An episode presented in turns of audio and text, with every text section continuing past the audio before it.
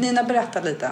Vem Mm. är du? Jag heter Nina Jonsson. Jag bor här på Söder, som dig. Mm. Eh, Inbiten Hammarbyare sen barnsben. Det är du ju verkligen. Ja, jag alltså. verkligen. Ja. Ja. För du går på alla matcher och det har ju du gjort så länge jag har känt dig. Ja. Jag har ju känt dig i otroligt många år. Ja, precis. Jo, jag går på alla hemmamatcher. Ibland åker jag på bortamatch om det inte är för långt bort. Så nu i coronatider så är det ju en sorg såklart. Mm. Så att inte kunna gå på matcherna. Jag hittade en gammal dagbok, ett, eh, en gammal biljett ifrån Hammarby, Göteborg 1982. Som du har sparat Som jag också. har sparat. Ja, hade jag varit där. Och sen har jag haft säsongskort kanske nu 20 år. Då. Men du, jag måste fråga då. Mm, Men hur blev du Hammarbyare? Jag vet inte. Jag tror att det var kompisar när jag var ung. Ja, och sen skulle man då skulle man heja på Hammarby och då gjorde jag med det. Fast jag fattar ju ingenting då Nej. såklart. Jag tror inte jag fattade så mycket när jag var med på den här matchen 82 heller. Det var väl för att det hände någonting. Då var det jätteroligt. Så. Men nu är det verkligen så här, jag brinner för det. Verkligen brinner för det. Så det är en stor del av mig. Och sen är ju skolans värld en stor del. Jag har ju liksom nästan hela mitt liv varit i skolans värld. Från att ha gått i skola själv då, liksom grundskola, gymnasie, universitet, till att börja jobba i skolan. Jag var ju först lärarvikarie. Jag var runt på alla skolor i Nacka kommun, i alla ämnen, i alla stadier. Oerhört lärorikt. Och sen så utbildade jag mig till lärare. Det har jag ju alltid velat bli sen jag var, tror jag var sju år. När jag hade sagt till min mamma att jag ska bli lärare när jag blir stor. Vilket är konstigt för det finns inga lärare i släkten. Nej. Jaha, och, och ni vet så här, sju år, det där, hon kommer ju ändra sig hundra gånger. Eh, och dessutom den sommaren så kommer jag ihåg att jag ordnade sommarskola för grannens ungar. Precis, som inte alls ville gå i ville sommarskolan. inte Nej, gå där. precis. Jag tvingade dit dem. De var så fem och sex år. Tills mamma kom på det. Och så sa men du, så där kan du inte hålla på. De måste ju få göra som de vill och då tog sommarskolan slut. Så då. Men jag bestämde mig då. Och höll faktiskt kvar vid det. Sen, sen var det väl så perioder man skulle bli hamsterskötare och sånt där skit. Men jag, jag ville bli lärare. Så jag blev det också. Eh, och jobbade som lärare i åtta, nio år tror jag. I vilka Eh, ämnen? Svenska, engelska och svenska som andraspråk. Mm. Mest har jag jobbat på högstadiet. Eh, ute i Orminge i Nacka. Okej. Men i. Bromma har du varit ja, också? men Bromma. Sen blev jag biträdande rektor. Och det var i Bromma? Ja, och det Ah, var i Bromma. okej. Och då, på den tiden så hade man lite undervisning, eller den skolan valde att ha biträdande rektorer som hade lite undervisning. Och då passade det mig perfekt med ett sånt uppdrag. För att, alltså det måste jag säga, jag har älskat att vara lärare. Det är liksom det roligaste jobb jag har haft. Mm. Jag har roligt idag också, men inget går upp mot att vara lärare. Det är svintufft, men Mm. det är så roligt. Och det kan jag tänka än idag, hur jag liksom älskade att undervisa. Men säg, vad är det liksom som... För jag, jag, jag har ju... Om jag ska tänka på min erfarenhet av skolans värld så är det ju när jag har gått i skolan och sen är det när mina tre barn har gått i skolan. Och jag kan också se så här, Fredrik och Markus är ju som sagt var snart 28 och Jakob är 18. Jag tycker att det har hänt otroligt mycket i skolan bara på de tio åren. Det har det. Även om de, eh, det var ju lite lustigt faktiskt. Det är nog, kan det vara, kanske så här fyra eller fem år sedan. När Jakob hade en eh, svenska bok tror jag. Jo, en svenska bok var det som låg i hallen hemma. Och Fredrik gick förbi och bara, den där svenska boken hade vi också. och det, det var väldigt mycket så här, äh, det här måste vara längre sedan. För att det var när Jakob började läsa. Och då var det typ så här eh, Gunhild och du vet så här gamla namn hoppar släng på du vet, det, var, det, var nog, det var nog flera som hade haft den här boken liksom innan, många, många år innan Fredrik och Marcus gick i skolan också. Att det var Ja, liksom det. samma litteratur. Men annars tycker jag att det har hänt så otroligt mycket i Mm. skolan. Och jag tycker att jag läser och hör att det Mm. är så tufft. Ja, det är det ju. Men vad är det som du tycker, liksom, vad är det som är det roligaste? Ja, men dels så, jag gillar verkligen barn och ungdomar och i synnerhet tonåringar, vilket är lustigt för det brukar de flesta tycka är det jobbigaste. Men jag har alltid älskat tonåringar. De är en utmaning, eh, det är liksom häftigt att möta dem och känna att man liksom kommer överens med dem. Och att man kan få dem att lära sig någonting. För de är ju som absolut grinigast i den där åldern. Och skoltröttast och vill inte och är rätt ointresserade. Så jag tror att det är den utmaningen som har drivit mig. De är också ärliga. Man får liksom ärliga ord ifrån dem. Har man haft en kass lektion, ja men då ser man det på dem. Man får så direkt feedback. Eh, har lektionen varit bra? Då, då kan de säga det och de kan liksom framföra det och man känner det också. Man får så mycket tillbaka. Eh, så jag tror att det är det som har gjort att jag liksom drivit så hårt i det. Jag har älskat dem. Sen gillar jag ju mina ämnen och i synnerhet engelska då som mitt huvudämne. Men just det här att jobba med barn och ungdomar. Det är, alltså det är så givande och skolans miljö är så dynamisk. Så bara man kliver in i en skola, det är liksom buller och bång och det är ungar överallt och de springer fram och frågar vem är du, vad ska du? Mm. Alltså det där, de är så levande. Mm. Och de spelar inte så mycket spel. Jag gillar det. Mm. De är ärliga och raka. Mm. Så att jag har alltid liksom älskat det där att jobba med barn och ungdomar. Jag gillar ju barn och ungdomar idag också. Mm. Även om jag liksom är lite längre ifrån dem som skolchef. Men eh, ja, lärare, världens bästa jobb tycker jag. Men jag tänker också så här, för att du har ju en klass på kanske så 30 barn. Mm. Och det är ju så 30, det är liksom så olika. Mm. Alltså de har så olika förutsättningar, mm. olika driv, gör saker på olika sätt, mm. olika intressen. Och så ska du hålla i en lektion där, mm. all, där alla 30, om de nu är 30 eller kanske ännu fler nu, jag vet inte, eller färre. Men att alla ska ta till sig mm. det du går igenom. Mm. Så det ska inte vara för tråkigt för någon som kanske är jätteklipsk. För att någon annan som kanske inte är med riktigt i just det här ämnet mm. ska också följa med. Alltså för, mm. Är inte det så här skitsvårt? Jo, det är det. Det är den största utmaningen, såklart. Liksom. Men det är också det som är häftigt. Och då kanske när man ser att den här som är trött och tycker att det är oerhört tråkigt, att man liksom ser att det tänds någonting i ögonen hos den. Men om det inte gör det då? Nej, då får man kämpa kan jag säga. Ja. Och det är ju jätte, jättesvårt och man lyckas inte alltid. Och då gäller det ju också någonstans att kanske inte bära med sig det personligen. Utan tänka att fan, jag lyckades inte, men nästa gång, då ska jag lyckas. Nästa lektion, mm. då ska jag nå den här ungen. Mm. Och det är också utmaningen, tänker jag. För det är ju också skolplikt i Sverige ju. Mm. Så att det är lite som om du tänker högstadiet så är det ju någonstans här, du måste ju nå den där ungen. Eller du ja. vet så här, ja, de måste ju gå i skolan. De ja. måste ju eller måste man ha vissa betyg också? Typ svenska, matte och Ja, men alltså om man ska engelska, söka till gymnasiet så krävs det ju det för att få gymnasiebehörighet. Mm. Men visst, skolan är ju skyldig att se till att varenda elev får det den behöver för att nå målen. Det är ett jättetufft uppdrag. Hela vägen, liksom, mm. ända ifrån kommunen och rakt ner mm. till den lärare som står i klassrummet. Men jag tänker om man kollar på skolan och tittar tillbaka. Jag intervjuade en lärare på min förra skola. Han mm. hade jobbat i 44 år på mm. skolan, mm. på samma skola. Superhäftigt att mm. prata med honom. Och så vad har hänt under de här åren? Vad tycker du om skolan? Och det jag bär med mig är att han sa så här, vet du vad Nina? Skolan har bara blivit bättre. Den är aldrig så bra som den är nu. Mm. Och det tycker jag är så häftigt av någon som har jobbat så länge, också en duktig mm. mattelärare var det som sa att skolan har aldrig varit så bra som den är nu. Och liksom jag är benägen att hålla med och har jobbat i skolan i över 25 år. Den har aldrig varit så bra som den är nu. Så vi ställer väldigt höga krav på eleverna och på lärarna och på den personal som jobbar i skolan. Men den är bra idag. Mm. Och det kan jag se. Det har liksom styrts upp. Det är välfungerande på de flesta ställen. Och nästan all personal jag träffar som jobbar i skolan, de brinner för att jobba med barn och ungdomar. Mm. Och jag tror, gör man inte det, då orkar man inte jobba kvar. För man måste nästan göra det. Fast jag tänker så här, jag, nu när du säger det där så bara känner jag så här, gud ja, fantastiskt. Och så ska jag liksom försöka få in den där pusselbiten i det, i min erfarenhet av skolan. Och då mm. tänker jag att nej, men jag har nog träffat ganska många lärare som jag skulle säga inte brinner för sitt jobb. Mm. Som blir väldigt så här, så lite frökenaktiga, ajabaja. Så mm, lite mm. så gamla fröken, mm. så här, ajabaja, så här gör man inte och det här. Jag kan också ha upplevt så här mycket mesighet i skolan. Mm. Och jag har upplevt, jag vet att vi har pratat om det här förut, jag har ju upplevt i må många, många gånger mm. att utmaningar läggs på mig som förälder. Mm. Jag vet att jag har så många gånger sagt, jag har suttit i så många möten där de har sagt så här, du känner ditt barn bäst, vad tycker du? Mm. Där jag har svarat så här, jag har ingen pedagogisk utbildning. Mm. Jag har bara mitt barn. Mm. Jag, har inte, jag kan inte sätta det i en större kontext. Nej, så ni som vet, mm. säg till mig vad mm. jag ska göra så mm. kommer jag att göra det.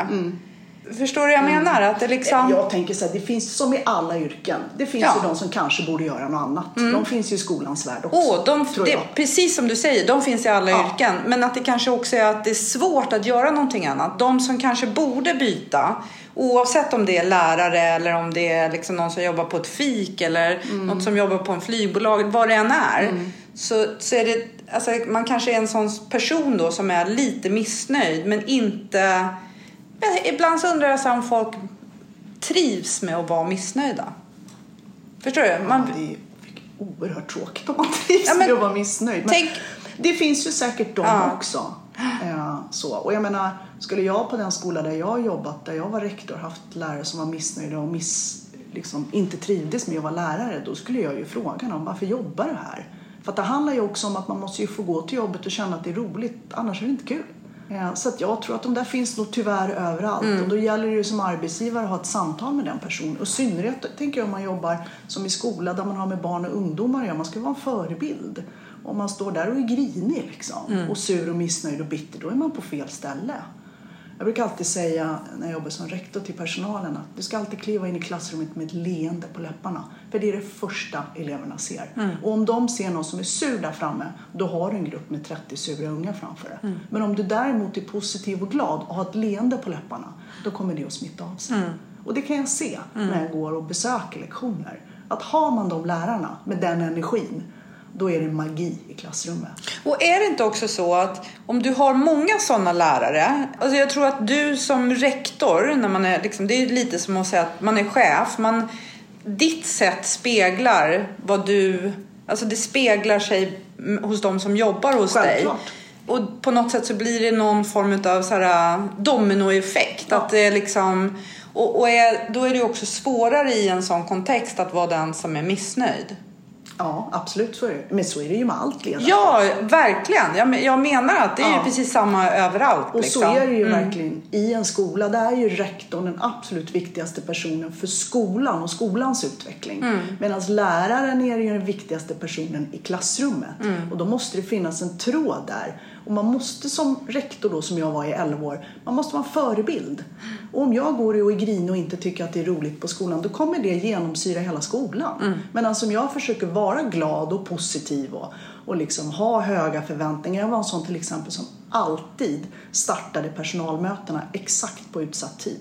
Och det gjorde jag med flit. Mm. Inte för att jag älskar det här med att komma i tid. Skulle man fråga mina kompisar så säger de så här, Nina kommer inte i tid men sällan mer än fem minuter för sent. Mm.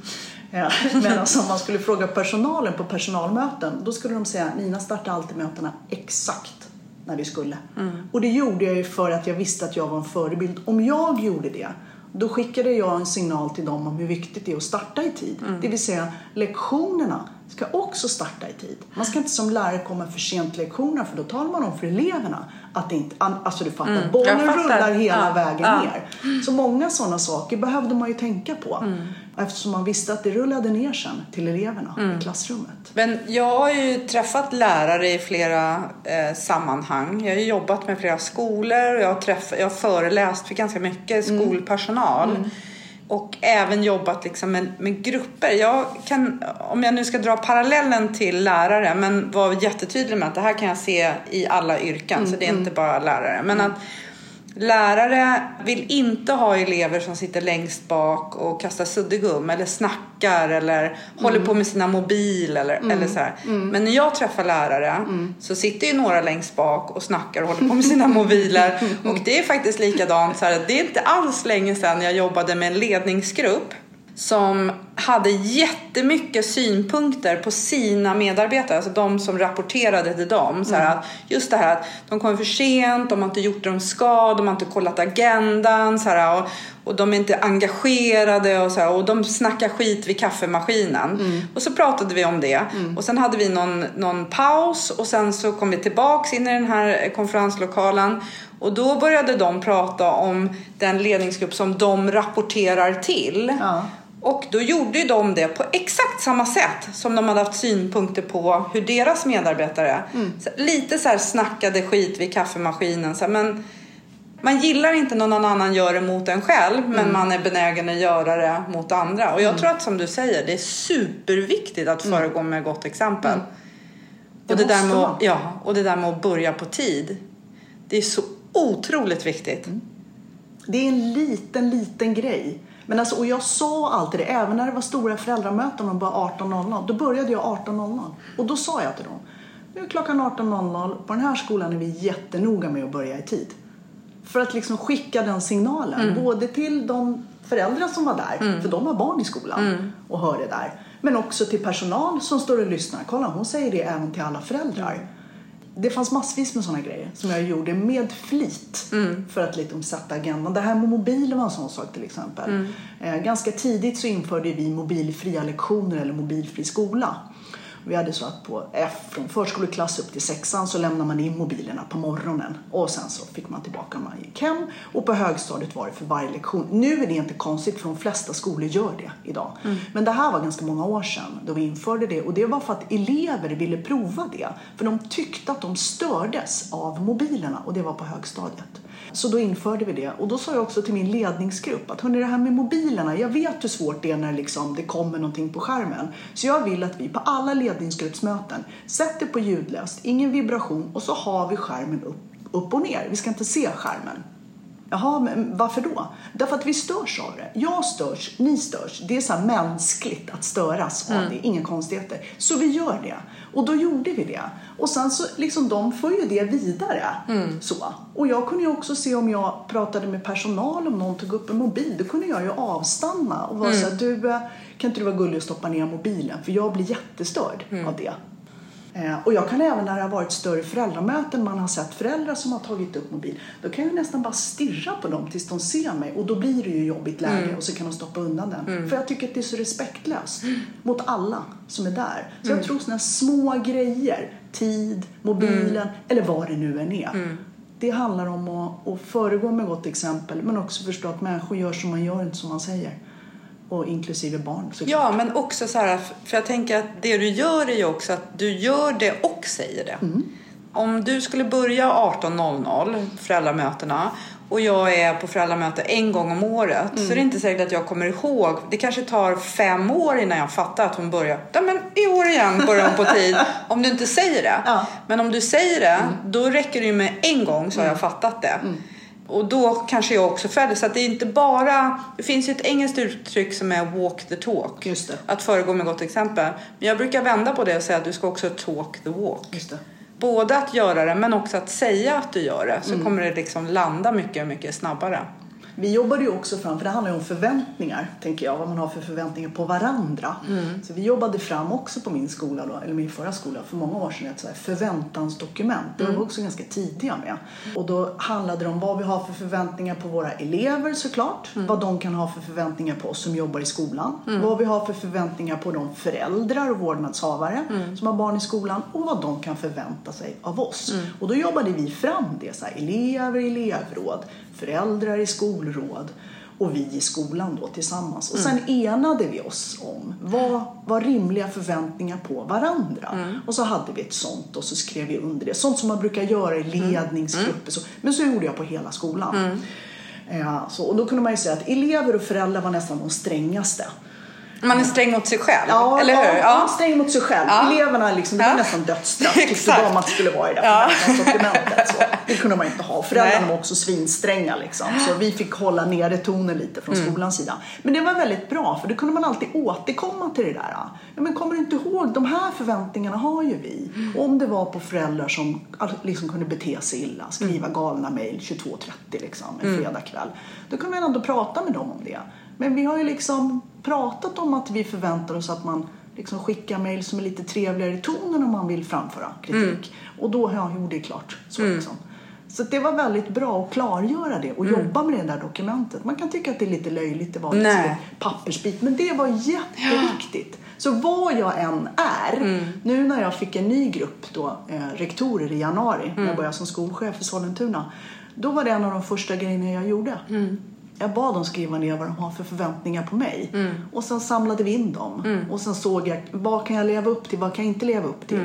Och sen så berättade jag vilka förväntningar jag har på dem. Och sen var vi liksom överens om det. Och sen, Det blir en gemensam plattform. För att Ja. annars tror jag att vi har alltid förväntningar men det är inte säkert att de är, är rätt. Liksom. Nej. Jag gjorde ju det där när jag var på SAS. ja, Med post-it-lappar. Eh, också en, en ny grupp sådär. Vilka förväntningar har ni Ja. på mig? Och så gick vi igenom vilka jag ställde upp på, vilka jag sa så här, det här är inte en förväntning ni kan ha på mig. Den kan Exakt. ni liksom, men det som jag gjorde som jag tror var jätteviktigt, det var två grejer egentligen. Jag eh, sa så här, kan ni ge mig några konkreta exempel på vad jag behöver göra för att jag ska uppfylla den där förväntan Mm. som ni har skrivit här. För att ofta så blev det att någon tänkte, nej jag menar så här. Mm. Och så var det någon annan som sa, nej men så menade inte jag. Så att inte bara ha liksom ord eller du vet att komma i tid eller utan verkligen konkretisera så att jag förstod vad jag skulle göra. Mm. Och sen vände ju jag frågeställningen. Jag talade inte om vad jag hade för förväntningar på dem. Nej. Utan jag frågade vad tycker ni att jag kan ha för förväntningar på er? Och då kommer det lite det här som du säger med elever, att man är jättetuff liksom. Men då kommer det från dem istället för att det kommer från mig. Och då blir det mer att jag, jag ty- tycker att fl- flera gånger så var de tuffare än vad jag, vad jag själv hade varit. Men det blev liksom det de sa och då är halva implementationen gjord. Förstår du? För det är ju deras. Sen det blir min roll inte att tala om vad jag har för förväntningar utan bara hjälpa dem att uppfylla de förväntningar som de själva har sagt. Absolut, och i mitt fall så var det i princip många var ju likadana Mm. som de hade på mig. Jag hade ju tagit samma och det här förväntar jag mig av er. Exakt, och det där är faktiskt också, det gjorde jag också då när jag var, den där sista jobbet som jag hade på SAS. För då jämförde jag, när vi hade gjort de här två listorna.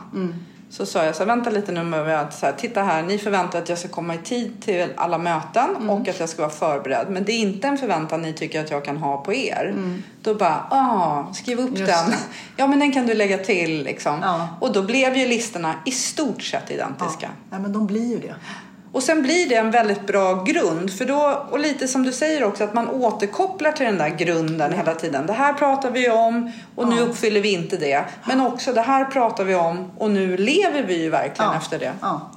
Vi jobbade också med spelregler, det har jag också gjort i de grupper jag haft. Vi sätter spelreglerna i gruppen och det kan vara simpla grejer som vi kommer i tid och vi prioriterar de här mötena. Vi springer inte ut och tar telefonsamtal och liksom vi är ansvar för att alla får komma till tal. Så. Ja, men lite sådana där grejer, gemensamma spelregler, de, de satte vi också. Eh, och det ställdes lite på sin spets här nu ganska nyligen. Nu har det varit svårt den här våren med corona. Man har ju liksom inte träffat sin personal. Jag är chef för 17 rektorer. Då. Och efter sex veckor när jag hade jobbat, eftersom jag började i januari, så slog ju corona till. Så att liksom, jag visste ju vad de hette, jag, och jag kände igen dem. Men jag kände dem ju inte. Nej. Och det var ju jättesvårt för mig att lära känna. Vi hade gjort vad förväntningarna var, hade gjort spelregler, jag har presenterat min vision, min idé, vem jag är, vad jag vill.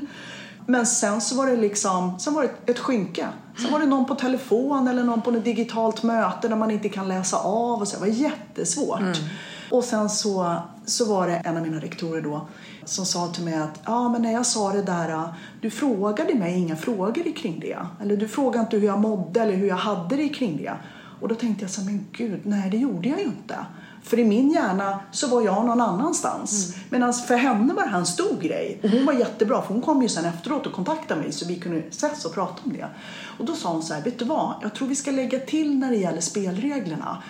Eh, För jag sa så här, men du måste berätta för mig för jag kan inte läsa tankar. Om du känner så här, det här känns jättejobbigt, säg då så här, Nina, det här känns jobbigt, kan vi prata om det här? För du kanske inte ser det, men jag känner ju det.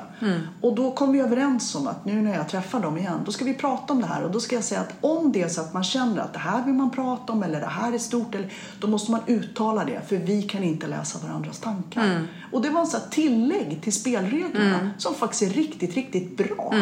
Det är ju lite att alla ska ta eget ansvar. Att du inte ska sätta dig på läktaren och vänta på att någon här, eh, bara gör så som du eh, säger eller som du tänker att andra ska Ja. göra. Utan att man faktiskt, här, om man inte gillar något, ja, då får man räcka upp handen och, och säga det. Ja. Men sen tänker jag också att många gånger så sparar ju folk. Liksom. Man kan tycka så här, jag kan göra det själv. Att det kanske är någonting som jag inte gillar riktigt. Men så tycker jag att det är en sån liten bagatellartad sak så jag skiter i det. Och sen skiter jag i nästa grej och sen skiter jag i nästa grej. Och till slut så har jag så många små grejer så att jag kan explodera på en till liten grej. Men det beror på att jag inte har sagt någonting tidigare. Så att jag tänker också att det här öppna, raka, transparenta behöver inte bli så här, sätt dig ner för nu vill jag säga en jätteviktig sak och Nej. så tar jag upp en liten grej. Utan Ja. att jag kan säga det lite så här i förbifarten. Men att jag har ett eget ansvar att ta upp saker. För att lika lite som jag kan läsa tankar så kan ju andra läsa mina tankar. Exakt. Och då får man åtminstone möjlighet att fånga upp det. Man har ingen aning om vad någon annan tänker eller känner egentligen. Nej. Men alltså om någon säger det bara i förbifarten, gud det här var jättejobbigt för mig. Bara att jag vet det kan ju betyda att jag tänker sen nästa dag, okej nu måste jag ringa till henne för att höra hur, hur är det idag då liksom? Känns det bättre nu eller kan jag göra någonting? För annars hade inte jag haft en aning om det där. Och då tror jag att det blir ännu svårare för dig att komma in ny på ett jobb och så bara sex veckor och sen jobbar alla hemma. Det blir ju liksom en exceptionell... Ja. Men ibland så kan jag också tänka så här att den exceptionella situationen kanske gjorde att det här poppade upp. Ja. Och det hade inte poppat upp om ni hade jobbat, men det kanske hade behövt poppa upp. Man även fast ni hade sig sett. av det här också. Ja. Jag menar, jag vet som kom från ett ställe där jag ansågs vara väldigt digital och en skola som är digital. Så kom jag till en kommun som liksom ligger i framkant då och varit så här en till en sedan 2012. Och helt plötsligt så var jag liksom omkörd. Att varje elev har en egen digital Aha, okej. device. Typ Eh, som en dator eller en Ja, dator iPad? eller eller? iPad Ah, eller okej. Chromebook Mm. eller vad det nu är. Och det var ett politiskt beslut i Sollentuna 2012 så då införde man det. Och det var liksom tidigt. Där jag jobbar i Stockholm där fanns det inget sånt politiskt beslut så det var lite upp till skolorna. Men vi var ändå ganska duktiga på min skola och, och liksom jag var ganska digital. Och så kom jag till en sån här kommun där man har hållit på länge och där även rektorerna är väldigt digitala och jobbar i Google som jag aldrig har jobbat i heller. och sex veckor in då ska vi ha Google-möten istället för då är det corona. Google Var det ja, det? och jag har inte ens appen. Jag fattar ingenting. Nej. Jaha, så ska jag ladda ner den där. Och det är rätt skönt att få sitta där framför datorn och jag har rektorer som bara Nina, du måste stänga av micken när, vi, när någon annan pratar. Jaha. Och sen så här, jag ska dela ett dokument. Hur, hur gör man? Mm. Du vet, jag var helt utlämnad till det där. Men jag behövde lära mig Mm. och de hjälpte mig. Och jag tyckte det var så oerhört skönt. Där satt jag, det var deras nya skolchef, fattade ingenting av det där Google. Och liksom de fick berätta. Och jag har lärt mig det där med tiden. Jag hade aldrig lärt mig det där så fort annars. Och, det var lite som jag kan tänka mig om man är i ett klassrum. Och man är lärare och man har elever som är liksom födda in i en digital värld. Man måste bara kapitulera och inse att de är snabbare och duktigare många gånger. Och då måste man ta dem till hjälp. Bara visa mig. Det var redan, alltså då när jag var lärare också. De var ju hackers och allting de här ungdomarna. Och det var ofta så att man hade någon som du kan du kom, hjälp mig med det här nu. Så. Man måste våga det. Men det där är ju också, det är ju att vara lite prestigelös. Eller att kanske inte, om det nu är i ett klassrum eller om jag är chef, att jag ska tro att jag kan allting. Ja. För det tänker jag också som chef, att det ofta så är det ju, i många branscher så är det ju som du är specialist. Om du är väldigt duktig på någonting så blir du chef över dem. Ja. Och då är det ju lätt att du håller i dig i din specialistroll och så är du inte kanske så bra chef. Du kanske Nej, är det också, exakt. men oftast inte. Utan man, vi gör ofta det som vi är bra på. Men att det får ju också andra att växa. Att säga så här, kan ni hjälpa mig för det här kan inte jag. Jag har ju haft ganska mycket digitala möten. Men hade du frågat mig i januari så hade jag sagt så här, nej inte min vet, inte mitt bästa, tycker inte att det är jättekul. Och när jag har haft kunder så, där, så har de sagt att vi kan ta ett Skype-möte, eller, eller så kommer jag till er. Jag har liksom gärna åkt ut till kunder och träffat dem för att jag har inte, du vet Skype, man får någon länk, man vet inte riktigt om det funkar. Jag, Nej, jag är inte så här. Men Corona har ju verkligen puttat den ut för Ja. stupet. Så är det. Och det funkar ju ganska bra. Alltså, på något sätt så blev det också ett sätt att lära sig. För att det fanns inget alternativ. Det var bara att göra. Ja. Putt! Här jag hade ingen fallskärm och ingen flytväst. Och... Och, och såna grejer som hur ska vi fördela ordet på sånt här Google Meet. Ja, då kom vi på att sätta ett kryss i chatten. Då vet man att det är den som ska prata. Och då behöver jag inte ens säga ja, nu är det du Anette och sen är det du Karin. Och, utan då ser de vems tur det är i krysset när jag har ett möte med 17 personer på, på liksom Meet. Det är ju rätt svårt att ratta liksom. Men det gick det med. Så jag tänker Ja, för att vi har grej... lärt oss. ja, och grejen är ju så här, det gick det med. Ja, för att det måste gå. Just det. Att, inte, att det inte går är inte ett alternativ. Nej. Utan man får lite jobba med det man har. Ja. En grej som jag sparade som jag tänkte på det här med att börja på mö- möten på tid. Mm. Det är att jag kan ju ibland, om det är föreläsningar eller om jag jobbar med en större grupp. Så är det ju oftast någon, kanske några, som alltid kommer sent. Mm. Men det är sällan de som alltid kommer sent. Om det är någon som kommer sent en gång, då är ofta den lite så här försiktig och shit, liksom tycker att det är lite jobbigt. Men de som alltid kommer sent kommer ofta sent med dam, dam, nu är jag här. Du vet, de smyger inte in utan det är på något sätt också en roll som de har. De, de kommer, och, och Många gånger så kan det påverka den som står längst fram. Så här, Åh, oj, nu kom Pelle. Så här, ja men Pelle, det finns en stol här fram. Så du kan sätta dig. Och, och då får man ju lite uppmärksamhet när man kommer sent. Jag har ju alltid, fortfarande idag liksom, när någon kommer sent så vill jag, jag vill vara jag vill göra det så jobbigt som möjligt för den personen att Jag komma sent. Ja. Det ska liksom, jag avbryter inte, jag fortsätter att prata, jag ignorerar den där personen Mm. och om den personen börjar liksom ta för mycket plats så säger jag så här, vet du vad? Nu kom du sent, du stör, så bara sätt dig ner var som helst så får du byta platsen. Mm. Och så fortsätter jag.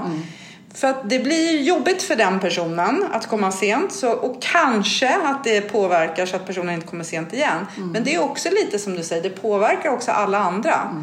Mm. För man kommer inte sent. Det är, och kommer man sent, det är klart att det kan ha inträffat något sådär, alltså Mm. att man kommer för sent.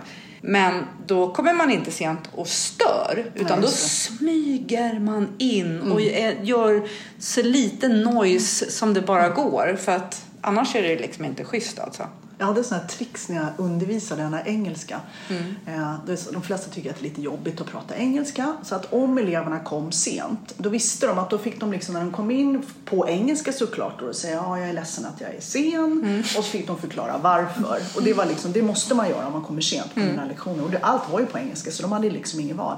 Du vet, det där hatade de ju. Mm. För det första behöva stå där då och säga på engelska och så förklara och så vad heter det och så. Så ingen ville komma sent. Mm. För då vart det det där jobbiga att stå där och säga på engelska. Mm. Och liksom, det låter ju fruktansvärt.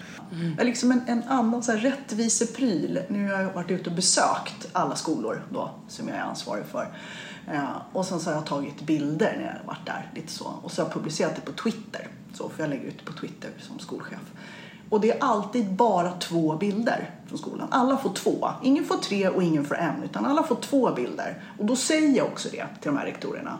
Eh, Jag lägger upp det på Twitter eh, och jag lägger två bilder så att ni alla får likadan, liksom två. Så, för det ska vara rättvist. För att annars så är det någon som undrar här, varför fick de tre?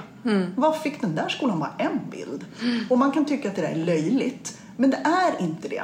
För någonstans så skickar en signal liksom. För det var också en sån sak som de sa till mig när jag började. Det är jätteviktigt för oss att du inte har någon favorit. Jag har aldrig haft favoriter så. Men. Har du inte? Nej, jag har inte det. Jo, har du inte det? På riktigt? Nej, faktiskt inte. Inte bland elever, inte riktigt bland personal. Nej. Och då var det, de sa till mig, du kan få inte ha favoriter. Och, och det är liksom, jag hade inte ens tänkt, nej, nej men det är väl klart. Liksom. Så. Eh, och då tänkte jag att det här är också en viktig grej, att vara rättvis i det här. Och när jag säger det till dem, jag lägger alltid upp två bilder bara, då skrattar de så. Men de fattar ju. Så att, ja nu gör jag det. Det är två bilder från varje skolbesök. Ja, men jag tror att till viss del så är det ju viktigt att vara rättvis. Men jag vet inte, jag har ju också så här, jag är ju lite... Jag vet att mamma var sådär, gav hon något till någon så ville hon ge något till den andra. Typ så nu har jag gett och då vill jag...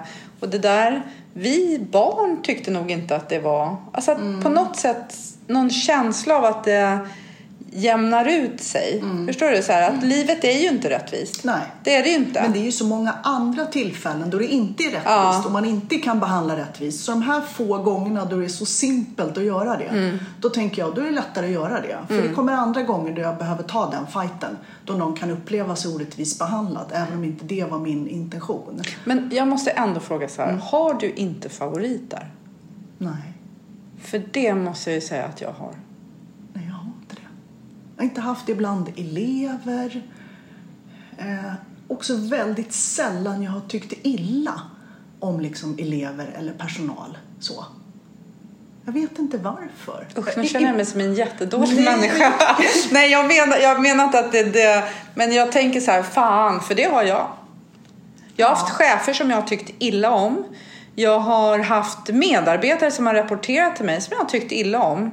Sen har jag ju fått jobba med att inte det ska visa sig eller att jag inte ska vara orättvis eller sådär. Och jag, jag tror att jag har varit orättvis. Eh, Jag tror att jag har du vet, gillat någon och det har visat sig. Jag tror inte alltid att jag har lyckats i det.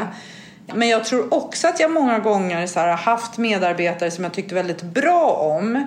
Som har, där jag liksom typ här, jag måste vara rättvis. Så att den person, det har inte blivit rättvist utan det har blivit åt fel håll. Liksom. Mm. Att, det har, eh, att jag har varit liksom tuffare mot den personen. Eller att jag har känt så här, nej men nu kommer den här personen att vilja ha semester. Och egentligen, du vet, hade Pelle frågat hade Pelle fått ah, semester okay. men när Mia kommer och frågar så får inte hon semester för att då kommer de andra, så har jag nog. Mm. Men jag kan tycka att jag har haft medarbetare men även kunder nu som jag inte som kanske inte har samma värderingar som jag eller som jag kanske inte tycker så mycket om. Mm. Men sen behöver man ju vara professionell på jobbet. Mm.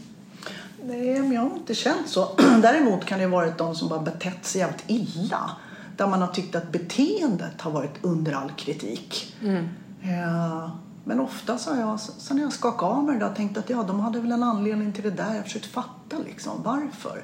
Jag tror att de kommer dit och vill göra sitt bästa och ja, men vill, vill vara bra. Liksom. Mm. Men sen händer det någonting som påverkar dem och då brukar jag försöka tänka att ja, nu betedde de sig tokigt på grund av det här. Liksom. Mm.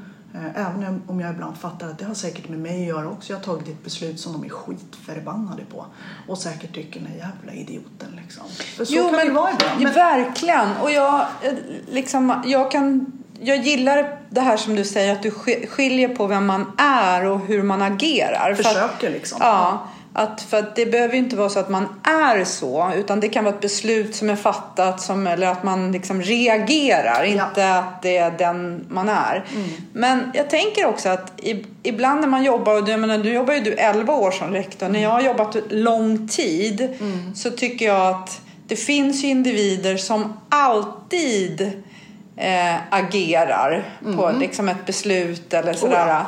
Och det är klart att i många fall så kan man prata och man kan göra de här förväntningsövningarna och man kan såhär, det kanske är lite för mig så jobbiga människor men det är också utmanande. Så att man vill ju inte ha liksom a walk in the park. Man vill, vi är ju människor. Mm. Man behöver vara på olika sätt och mm. man behöver hitta lösningar. Mm. Men jag vet inte, nu 17 har jag haft favoriter alltså, det måste jag nog erkänna. Jag har, ingen, jag har inte ett minne av att jag har haft det faktiskt. Fan Nina, nu måste jag...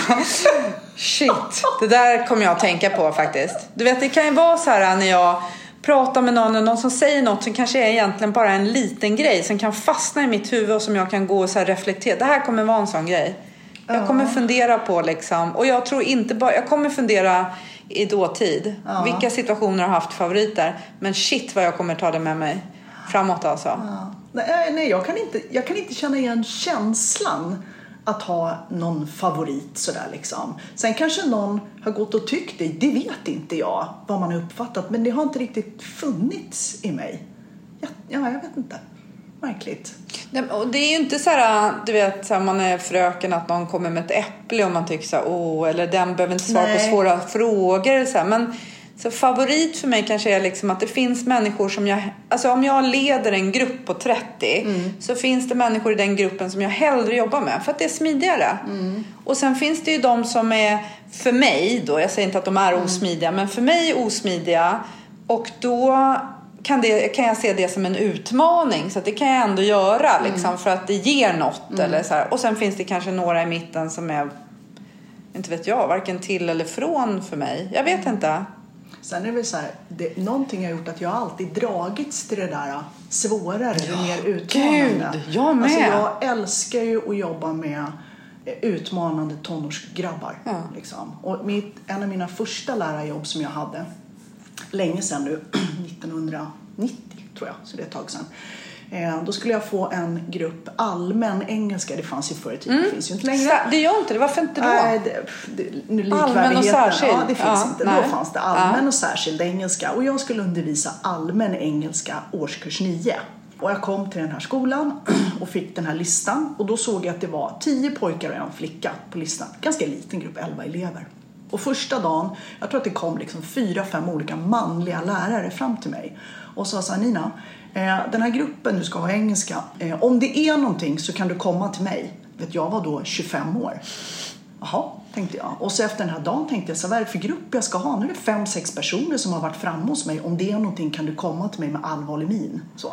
Så, shit, vad är det för grupp jag ska ha liksom? Och jag kommer ihåg att jag möter den här gruppen och det är tio liksom, tonårskillar och så är det en tjej då. då. Ja, de var jätteutmanande såklart. För du kan ju tänka, de har ju plockat liksom alla de som har det tuffast i alla fem klasser och stoppat dem i en liten grupp. För det var ju de som hade valt allmän engelska. Så. Mm. Men alltså, jag älskade den där gruppen. Mm. Och du vet, jag såg fram emot att ha dem därför att jag fick, alltså jag fick anstränga mig. jag fick göra saker som var out of the ordinary, ja. utanför boxen. Det gick inte annars. Nej. Jag körde motorcykel på den tiden. Jag fick till exempel ta med mig gruppen ner så fick vi kolla på motorcykeln. Vad heter de olika delarna på engelska? Mm. För att de skulle behöva röra sig, för hälften hade väl ADHD mm. liksom. Mm. Och så tillbaka med de här eleverna. Och de hade jag under hela årskurs 9 och jag slet med de där. Men jag gillade den där gruppen och jag mm. tyckte verkligen om dem och jag tror att de kände det. De hade väl bytt lärare, de hade slutat räkna antalet gånger de hade bytt lärare. Sen gick de där ut årskurs 9 och liksom än idag, det här är ju länge sedan, mm. så har jag kontakt med två utav de grabbarna som gick i den. Mm. Varav den ena då är pappa till mitt gudbarn. Mm. Så det är ju så häftigt. Så mm. att liksom man ska aldrig underskatta en lärares betydelse. Nej. Och det där handlade inte om mina engelskkunskaper. Det där handlade om att jag tyckte om dem. Och jag ville dem väl. Och jag ville verkligen ha de eleverna. Och det kände de. Jo men sen också tänker jag att det du gjorde på något sätt det var ju att du hittade, ni gick ifrån klassrummet där ni egentligen kanske skulle ha suttit. Ja. Så att du hittade så här, hur, jag har den här gruppen, jag behöver nå dem. Hur mm. ska jag göra för att nå mm. dem? Jag menar, jag är också en sån person som söker mig till svåra situationer för mm. att jag gillar inte boxen. Nej. Jag gillar när jag måste hitta lösningar utanför boxen. Mm. När det måste, för då ger det mig mer också. Liksom. Mm. Så jag gillar också svåra situationer. Mm. Men jag kanske ändå har favoriter.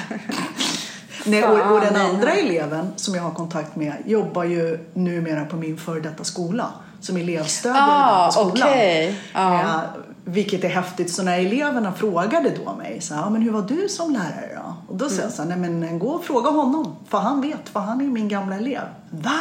Och så sprang de ju alltid och frågade. Mm. Och det var lite häftigt liksom. Mm. Men är inte det också lite så här att det blir en kick när man lyckas?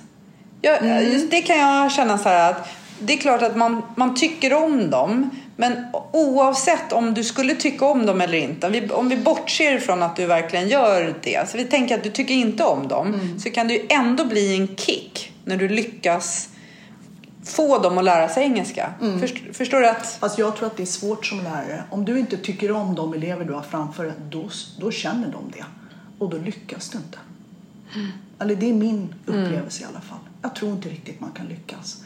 Så de här som är liksom lite svårare att tycka om, som kanske utmanar en mer eller beter sig som satan där inne. Mm. Alltså de måste man kämpa järnet för. Mm. Och där inne bor ju också små fina barn. Och man måste hitta det där, mm. där inne. Det där tänker jag ofta på, det pratar jag också ofta om, det här att vad som väcker ens empati. Och då kan jag nog ofta dra parallellen till barn. Att om du ser ett barn som, du vet det kommer tårar i ögonen och mm. underläppen darrar och man står så här, så här så väcker det mycket empati. Men kom ska jag trösta mm. dig, kom liksom. Medan om du ser ett barn som ger dig fingret och sparkar ner något eller mm. du vet, då blir du arg. Mm. Men att den bakomliggande känslan hos barnen är oftast detsamma. Det är oftast, en, som du säger, en liten varelse. Och det skulle jag också säga att det är samma sak hos oss vuxna. Mm. Det kan vara någon som är så här, nej jag vet inte hur jag ska göra det här och jag kan inte och jag är så dålig. Mm. Så är vi så här, men kom ska jag visa dig. Mm. Men alltså att det är någon som är så här, för fan nu får vi inte semester och så här. Mm. Den bakomliggande känslan är oftast densamma. Mm. Men så att det ena väcker mer empati än det andra. Eller jag agerar utifrån hur du agerar mm. och inte utifrån vad som skulle skapa ett bra resultat. Och jag tänker så här, utmaningen i det är ju att inte gå igång på den där reaktionen. Mm. Den där arga mm. reaktionen. Utan liksom stanna ja. sig själv där och bara okej. Okay. Mm. Alltså det här som, som rektor fick man ju under en period fick i alla fall ganska mycket sådär mail föräldrar som var förbannade om man genomförde något utvecklingsarbete eller vi fick en ny skollag 2011 så jag behövde göra en hel del förändringar på skolan. Och då var de arga och skrev arga mejl. Och liksom konsten där, det gjorde de ju även till lärarna, var ju att säga okej okay, om du får det här mejlet, svara inte på en gång. Låt det ligga till nästa dag. Mm. Titta på det igen, för då har du inte reagerat längre. Och sen så liksom svara vänligt men sakligt och dra iväg det. Mm. och det var ganska bra övning för det kom en hel del mm. sådana då, eller föräldrar mm. som man mötte på ICA som var förbannade. Liksom. Mm. Det var övning i det där, att inte reagera utan stå lugnt och liksom svara lugnt. Precis så som man måste göra med barn. Mm. när de tappar det. Mm. Det hjälper ju inte att skrika på en unge som har tappat det. Utan Men man måste... gör ju det ändå. Jag vet, ja, därför man att det är, är bara mänskligt. Därför att det är mänskligt.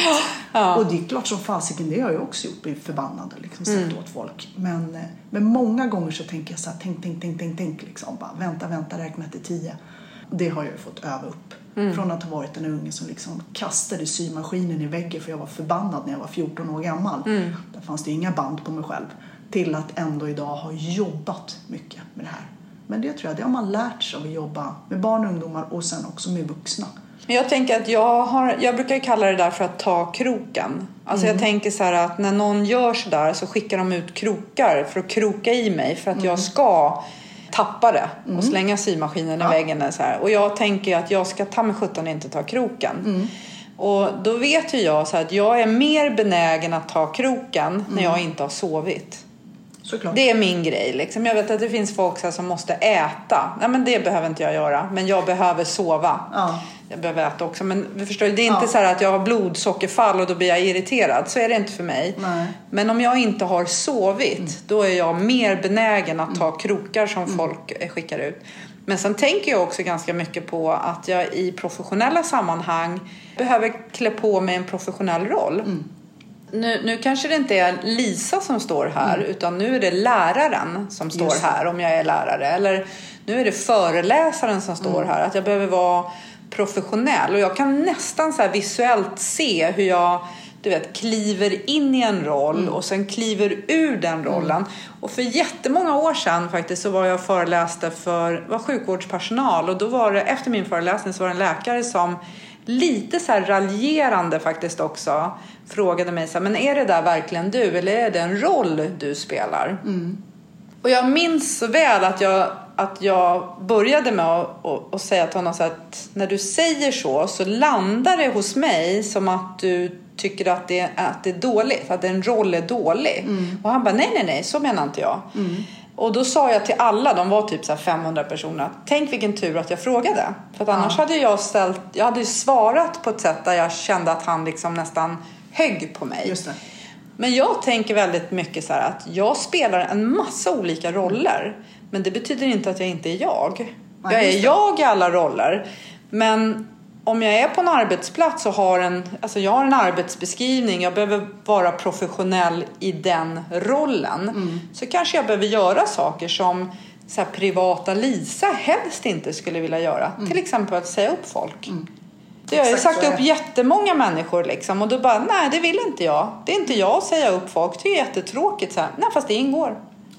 Och att man någonstans här kliver i den rollen och när jag gör det så är det lättare att inte ta kroken. Mm. Jag brukar prata om tre cirklar. En professionell cirkel, en personlig och en privat. Mm. Eh, och det har jag gjort för personal. Och liksom den professionella, den, det är den jag tar på mig när jag kliver in i skolan oavsett vad jag har för yrkesroll. Mm. Den tar jag på mig. Den kommer färgas av det personliga eftersom jag använder min person i yrket. Jag menar rektor Nina eller skolchef Nina är ju en viss typ beroende på vem jag är. Mm. Men det här privata, det försöker jag lämna utanför. Mm. Eh, till exempel om jag har genomgått något jättejobbigt privat. Då försöker jag att lämna det utanför så att inte det ska spilla över. Mm. Så, så att det är en väldigt, väldigt liten del av det privata kanske som kommer med in. Mm. Så försöker jag tänka så kring de här tre cirklarna jag pratat med personalen om. Jag vet att jag hade en gång en uppstart och jag hade frågat privata vänner så här, beskriv mig med liksom lite adjektiv. Så hade de gjort det och så skickade de en massa sådana. Fattar väl inte vad håller hon på med? Mm. och så fick jag en massvis eh, och så satte jag upp dem på en slide. Och sen så frågade jag eh, personal. Så här, beskriv mig med lite adjektiv. Och så var det en massa sådana. Och då kunde man se att det där stämde inte riktigt. Många hade liksom samma, det här personliga, privat, man kunde se. Men det var inte samma person som beskrivdes. i de här. Så. Och då sa jag det till dem, det är inget konstigt. Därför att de känner den här, den här privata, det är en jättestor cirkel. Det är den de känner. Medan ni ser den här, den professionella cirkeln, personlig cirkel och kanske några utav er ser lite privat cirkel också. Så för det läcker ju liksom och ibland är jag också bara människa. Men det är viktigt att komma ihåg det här. För att när jag kliver in och tar på mig min professionella roll så kanske jag får skit för någonting jag har gjort. Till exempel om man skulle behöva säga upp någon eller någonting. Då måste jag förstå att det är det, är det professionella de går på. De går inte på den lilla privata cirkeln. Och det där jobbar jättemycket med. Just därför att jobbar man med barn, ungdomar, med människor, det är så lätt att det kommer en för nära. Får liksom inte bita. Så. Och det var så intressant när jag kunde visa de här två olika.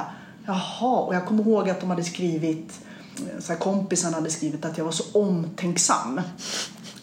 Och personalen bara, va? Det har vi aldrig sett! Hon! lite så här, ja, men lite så här, var inte hon lite så här eh, hård och fyrkantig. Mm. Lite så. Mm. Så det vart ju också, jaha, och det kanske man inte har sett. Jag var ju ändå liksom chef för 130 pers mm. och hade biträdande emellan mig så jag var ju inte närmsta chef så de kanske inte såg så mycket av Nina. Förutom någon som stod på en scen och sa någonting. Och det är inte så privat. Nej. Så att det var väldigt intressant att se det. Jag brukar försöka tänka på de där cirklarna. Men sen är det också lite som du sa i början att vi att du kommer i tid. Sen om mm. du frågar dina den privata cirkeln så kanske de säger att hon är lite sen men inte mer än fem minuter. Ja. Men det skulle inte den professionella. Nej. Så att, men någonstans här, jag, jag, tror också som du säger att om vi inte är sanna mm. då kommer det märkas. Ja, ja, men vi kliver in i olika roller och det är olika förväntningar också mm. i de där olika. Mm.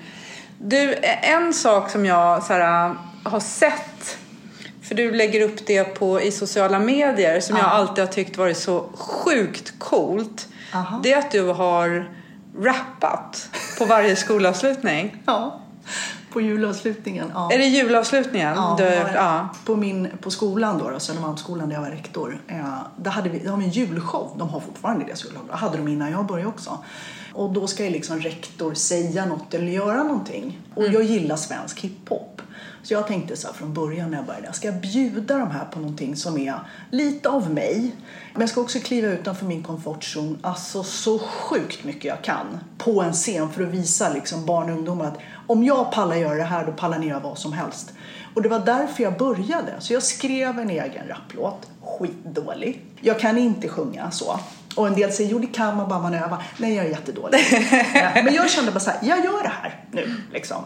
Så jag klev ut på den där scenen och gjorde det. Och du vet man ska ha så moves och det. Jag kan inga moves. Men jag gjorde det där. Mm. Och sen så kände jag så här.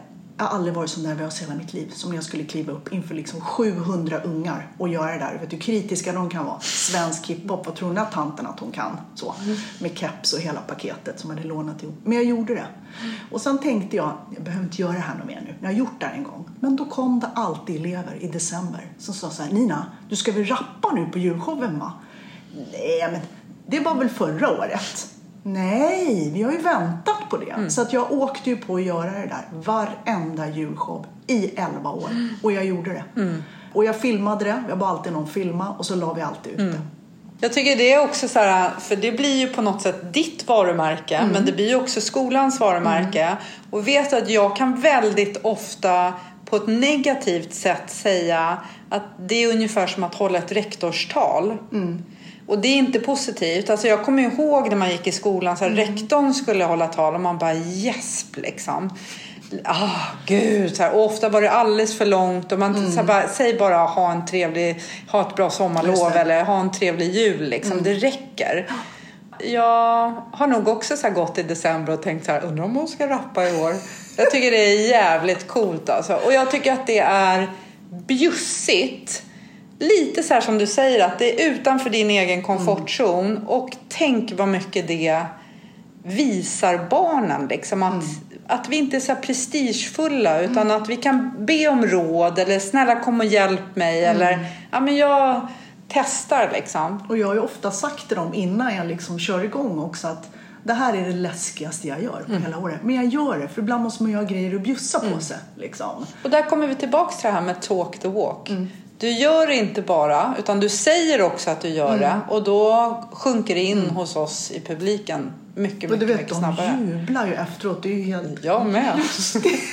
Finns de inte någonstans så folk kan gå och Jo, men jag har titta? ju gjort en. För ett år skulle jag åka på semester så jag var inte där på julshowen.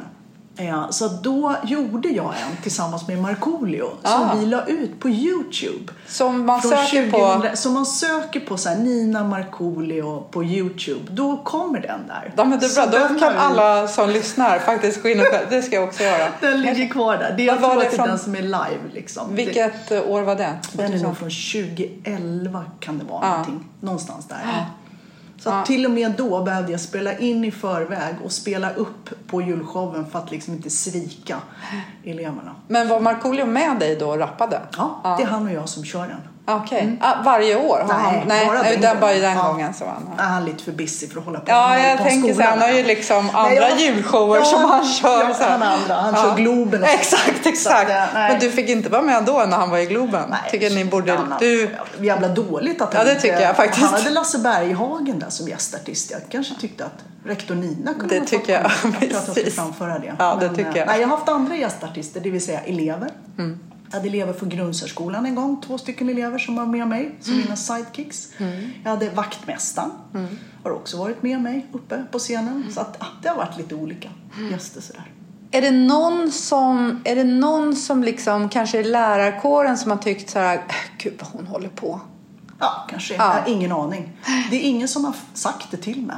Men det finns det säkert Ja. som tycker så. Men det har liksom inte hindrat dig. Nej, jag gör ju inte det här för dem. Jag har ju gjort det för elevernas skull. För att det har blivit en grej liksom. Men det där har jag också, jag, jag kan tänka så att jag har nog märkt ibland så här att andra människor har haft synpunkter på så här busgrejer som jag har gjort. Men att jag har valt att inte tänka på dem utan att Ja. tänka på dem som, eller tänka på resultatet kanske jag har tänkt mer Ja. än Ja, och varför gör jag det och för vem? Ja, och det är inte primärt, har inte det varit för att personalen ska tycka att det där är så roligt. Utan det har ju varit för eleverna. Men också för dig själv, har du Ja, inte ja. det? Jo, För det är den du är att jag liksom. vill bjucka på det där. Ja, och kanske också att det är lite av din privata cirkel som Ja, det faktiskt får liksom visa sig i, Precis så är det ju. Och sen det här också med att- svensk hiphop, att jag gillar det. Ja, eller det hur? ju. Och att du sticker ut lite. Ja, jo men det, det gör man ju verkligen. Du eh, Nina, tack så mycket. Ja, tack ska du ha.